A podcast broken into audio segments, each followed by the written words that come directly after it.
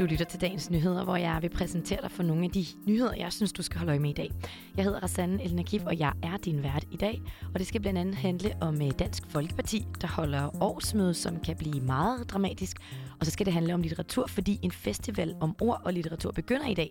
Og til sidst så skal vi en tur til Strasbourg, hvor politikerne skal lære af helt almindelige europæer. Velkommen til.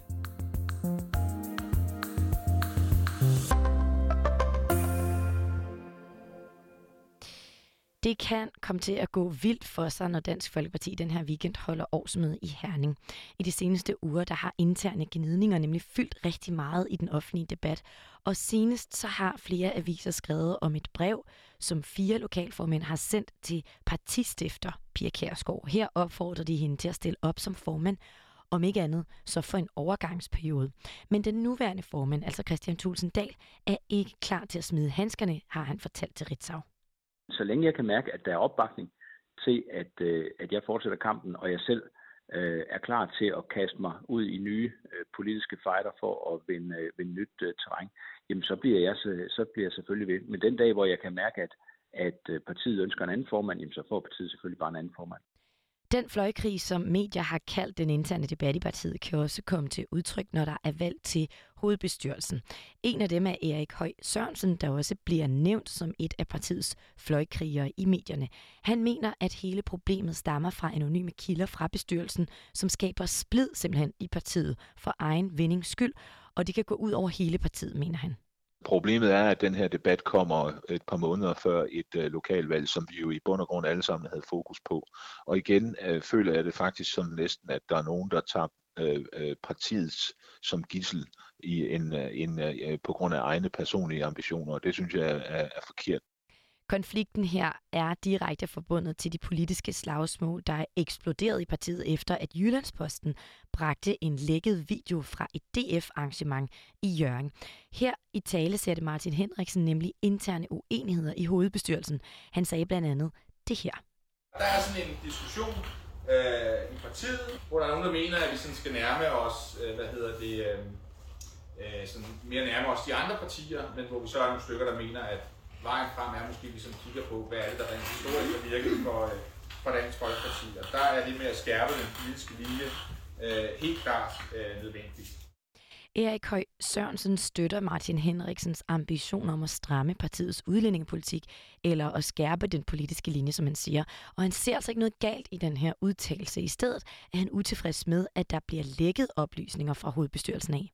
Det her med de anonyme lækager, og jeg ved godt, hvem det er, øh, men, men øh, det må jeg ikke, han har sagt, sige offentligt. Men det her med de anonyme lækager, der over lang tid øh, dolker formanden i ryggen, og så får ham til at forbløde som formand, det er uacceptabelt, og det, kan, det er den slags ting, der kan føre til langvarig fløjkrig, så det skal vi have stoppet. Så man kan altså sige, lige nu er det i hvert fald ikke alle i DF's bagland, der står sammen med partiets formand Christian Thulsen Dahl. Flere lokalformænd har skrevet et brev til Pia Kærsgaard, som er partiets tidligere formand, og bedt hende om at tage over, som sagt. Men for Erik Høj Sørensen går støtten uddelt til den valgte formand, altså til Christian Tulsendal, siger han.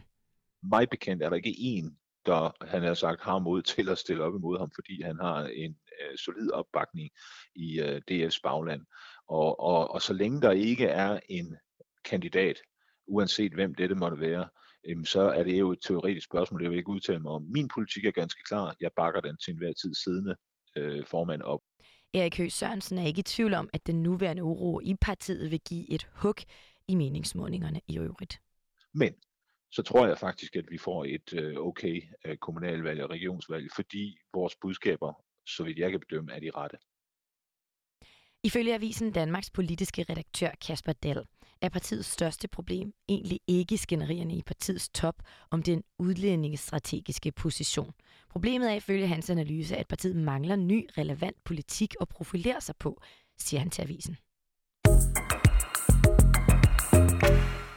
Og nu skal det handle lidt om litteratur, for i dag der løber Ord- og Litteraturfestivalen Ordkraft, som den hedder, af stablen i Aalborg. Og her kommer der til at blive stillet skarpt på tidens litteratur, og det store mål for festivalen er at vise ordets og litteraturens betydning og muligheder for os alle sammen. Og hvorfor det er vigtigt, det vil min kollega Freja Pasburg gøre jer klogere på lige om lidt. Men først så starter vi lige ud med et lille digt af Shefuke Tadayoni Heiberg.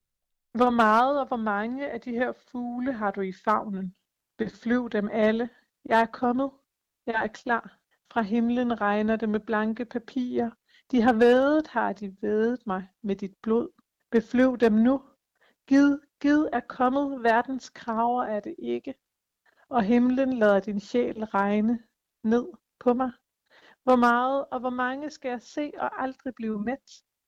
Som om du er kommet med blomsterknopper fra dine ører. Hvor meget jeg end spiser dig med øjnene, bliver jeg ikke mæt. Bemæt mig. Hende, som du hørte lige her, hende kan man opleve på scenen til Ordkraft i dag. Hun hedder Shefuke Tadayoni Heiberg, og så er hun forfatter, forlægger, oversætter og litteraturformidler. Og så har hun iranske rødder og beskæftiger sig derfor rigtig meget med persisk litteratur. Og det du hørte før, det er oprindeligt et persisk digt, som Shefuke Tadayoni Heiberg har oversat, og som betyder meget for hende. Og det gør det, fordi det netop viser, hvad den persiske litteratur kan lære den danske. Det viser mig, at man kan udfordre sproget, at bare fordi vi ikke har sagt bemætner før, så betyder det ikke, at vi ikke kan sige det, og det betyder ikke, at det ikke kan give mening for os. Så det viser mig vejene, man kan gå, alle de døre, der til synligheden er lukkede, fordi vi siger, at sådan siger man jo ikke, men som man bare kan åbne. Og lige så snart man har sagt det, så giver det en eller anden form for kognitiv mening, vi forstår det, og på den måde kan vi udvide, hvad vi kan tale om. Og ifølge Shefuke Tadayoni Heiberg er det også lige præcis derfor, at det er vigtigt, at vi hylder ord og litteratur med en festival. Det er ordene og sproget, der skaber vores verden. Så de er en vigtig byggesten i kulturen, og den er en vigtig byggesten for, hvad vi tænker er muligt at gøre. Så hvis ikke vi har sprog for at gøre nogle ting, så kan vi heller ikke tænke os til at gøre dem. Så det er vigtigt, at både at der er nogen, der arbejder med at udvide sproget, og også at der er nogen, der ligesom festivalen giver sproget en platform. Og hvorfor er det så så vigtigt, at sproget bliver både udfordret og udvidet?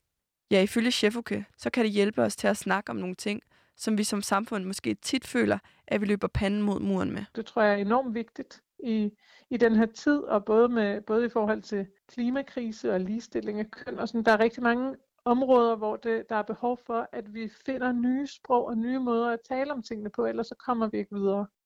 Ordkraft blev for første gang gennemført i 2011 og har været udskudt siden april på grund af coronarestriktionerne. Op mod 8.000 gæster besøger hvert år Ordkraft i de tre dage, den normalt varer, men på grund af corona har arrangørerne i år valgt at afholde det på en enkelt dag, og på trods af det er der i år solgt endnu flere billetter til festivalen end nogensinde før. Til festivalen der kan blandt, man blandt andet møde krigskorrespondenten Rasmus Taltholdt og den prisvindende forfatter Carsten Jensen. Og så slutter vi altså med en tur til Strasbourg, for her sker noget historisk i den her weekend. 200 EU-borgere er nemlig samlet til det allerførste borgerpanel i EU. Det er kommissionen, det er rådet og parlamentet, der er gået sammen om at danne en konference om Europas fremtid, hvor det første borgerpanel nu går i gang.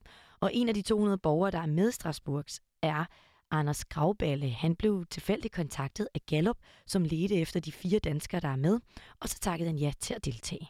Jeg har altid interesseret mig meget for EU. Jeg synes, det er rigtig spændende at følge med i, hvad der sker. Men jeg har ikke som borger haft øh, ja, det store indblik i, hvordan det rent faktisk øh, foregår. Og så synes jeg, det kunne spændende at være, være en del af det projekt. Og så også at se, hvordan EU kan udvikle sig i fremtiden. Panelet, panelet er det første af fire, og titlerne for panelet er Stærkere økonomi, social retfærdighed og beskæftigelse, ungdom, sport, kultur og digital omstilling. Og dermed så kan Anders Gravballe altså se frem til en lang weekend med mange debatter, og han glæder sig til dem. Jeg håber da helt sikkert, at jeg som borger kan være med til at give, give det indspark til EU i forhold til altså, at dreje det sådan, at vi har en fremtid for EU i fremtiden. Altså, jeg, jeg, jeg er relativt stor fortaler for EU. Jeg synes, det har gjort meget for vores samfund, så jeg, jeg synes, det fortjener at leve videre også og, og måske også blive fornyet. Og selvom der altså er mange forskellige emner for panelet her, blandt dem jeg lige nævnte før, så ser Anders Gravballe særligt frem til to af dem. Så jeg synes noget som økonomi for eksempel, det, det synes jeg er ret vigtigt. At øh, EU kommer til at stå som en stærk spiller på verdensmarkedet. Men jeg synes også noget som, øh, som beskæftigelse, jeg synes også, det er ret vigtigt at have det, øh, og have, berøre det, sådan, fordi man kan sige, der er nogle lande i EU, hvor der er, der, der er ret stor øh, ungdomsarbejdsløshed. Så jeg synes også, det er ret spændende, og, hvordan man kan berøre det. Men han har svært ved at pege på, hvad der præcis skal gøres på de her områder. Og derfor glæder han sig til at skulle diskutere dem med borgere fra andre lande, ligesom han også er glad for, at EU-ansatte vil facilitere debatterne, så de rigtige pointer kan komme frem. Jeg synes igen, det er, det er enormt spændende som borger at kunne, kunne få lov til at både se det her miljø at man arbejder i EU-regi, og så, så også er med til at kunne måske give input, der kan forme i fremtiden. Efter den her weekend i Strasbourg, så skal panelet senere på efteråret også deltage i online-diskussioner, inden de igen skal mødes i december, hvor de bliver i Dublin, og hvor panelet skal blive enige om en række punkter, der skal fremlægges for EU-politikerne, som de så skal arbejde videre med. Og så skal vi som altid tjekke et par af dagens avisforsider ud. På forsiden af information, der kan man blive lidt klogere på det tyske valg, som finder sted om en uge. Her kan man læse, at de tyske vælgere er meget i tvivl. 75 procent af vælgerne svinger mellem de fire tyske midterpartier, så det tyder på, at det kan blive lidt af en gyser af et valg. Og så skal vi også lige se på øh, Kristelig Dagblad, der sætter fokus på Christiania. For i næste uge så fylder fristaden 50 år, men jubilæet skæmmes af narkosal og sociale problemer, som der ikke bliver taget tilstrækkelig hånd om, det mener flere partier. En af dem er Robert Olsen, der er forstander for det sociale tilbud Kofods skole, der ligger få kilometer fra Christiania og ofte konfronteres med fristaden. Han mener, at Christiania har en stor narkoscene, mens der ikke er en særlig stor kommunal social indsats. Og det har konsekvenser. Blandt andet ender folk som hjemløse på grund af et hasmisbrug, fortæller han. Og dermed så nåede vi ved vejs til vejs ende i dagens nyheder. Den var tilrettelagt af Mathias Damborg Holst, Flora Jul Holst, Freja Pasburg og Tobias Hegård. Og så siger jeg som altid tak, fordi du lyttede med her. thank you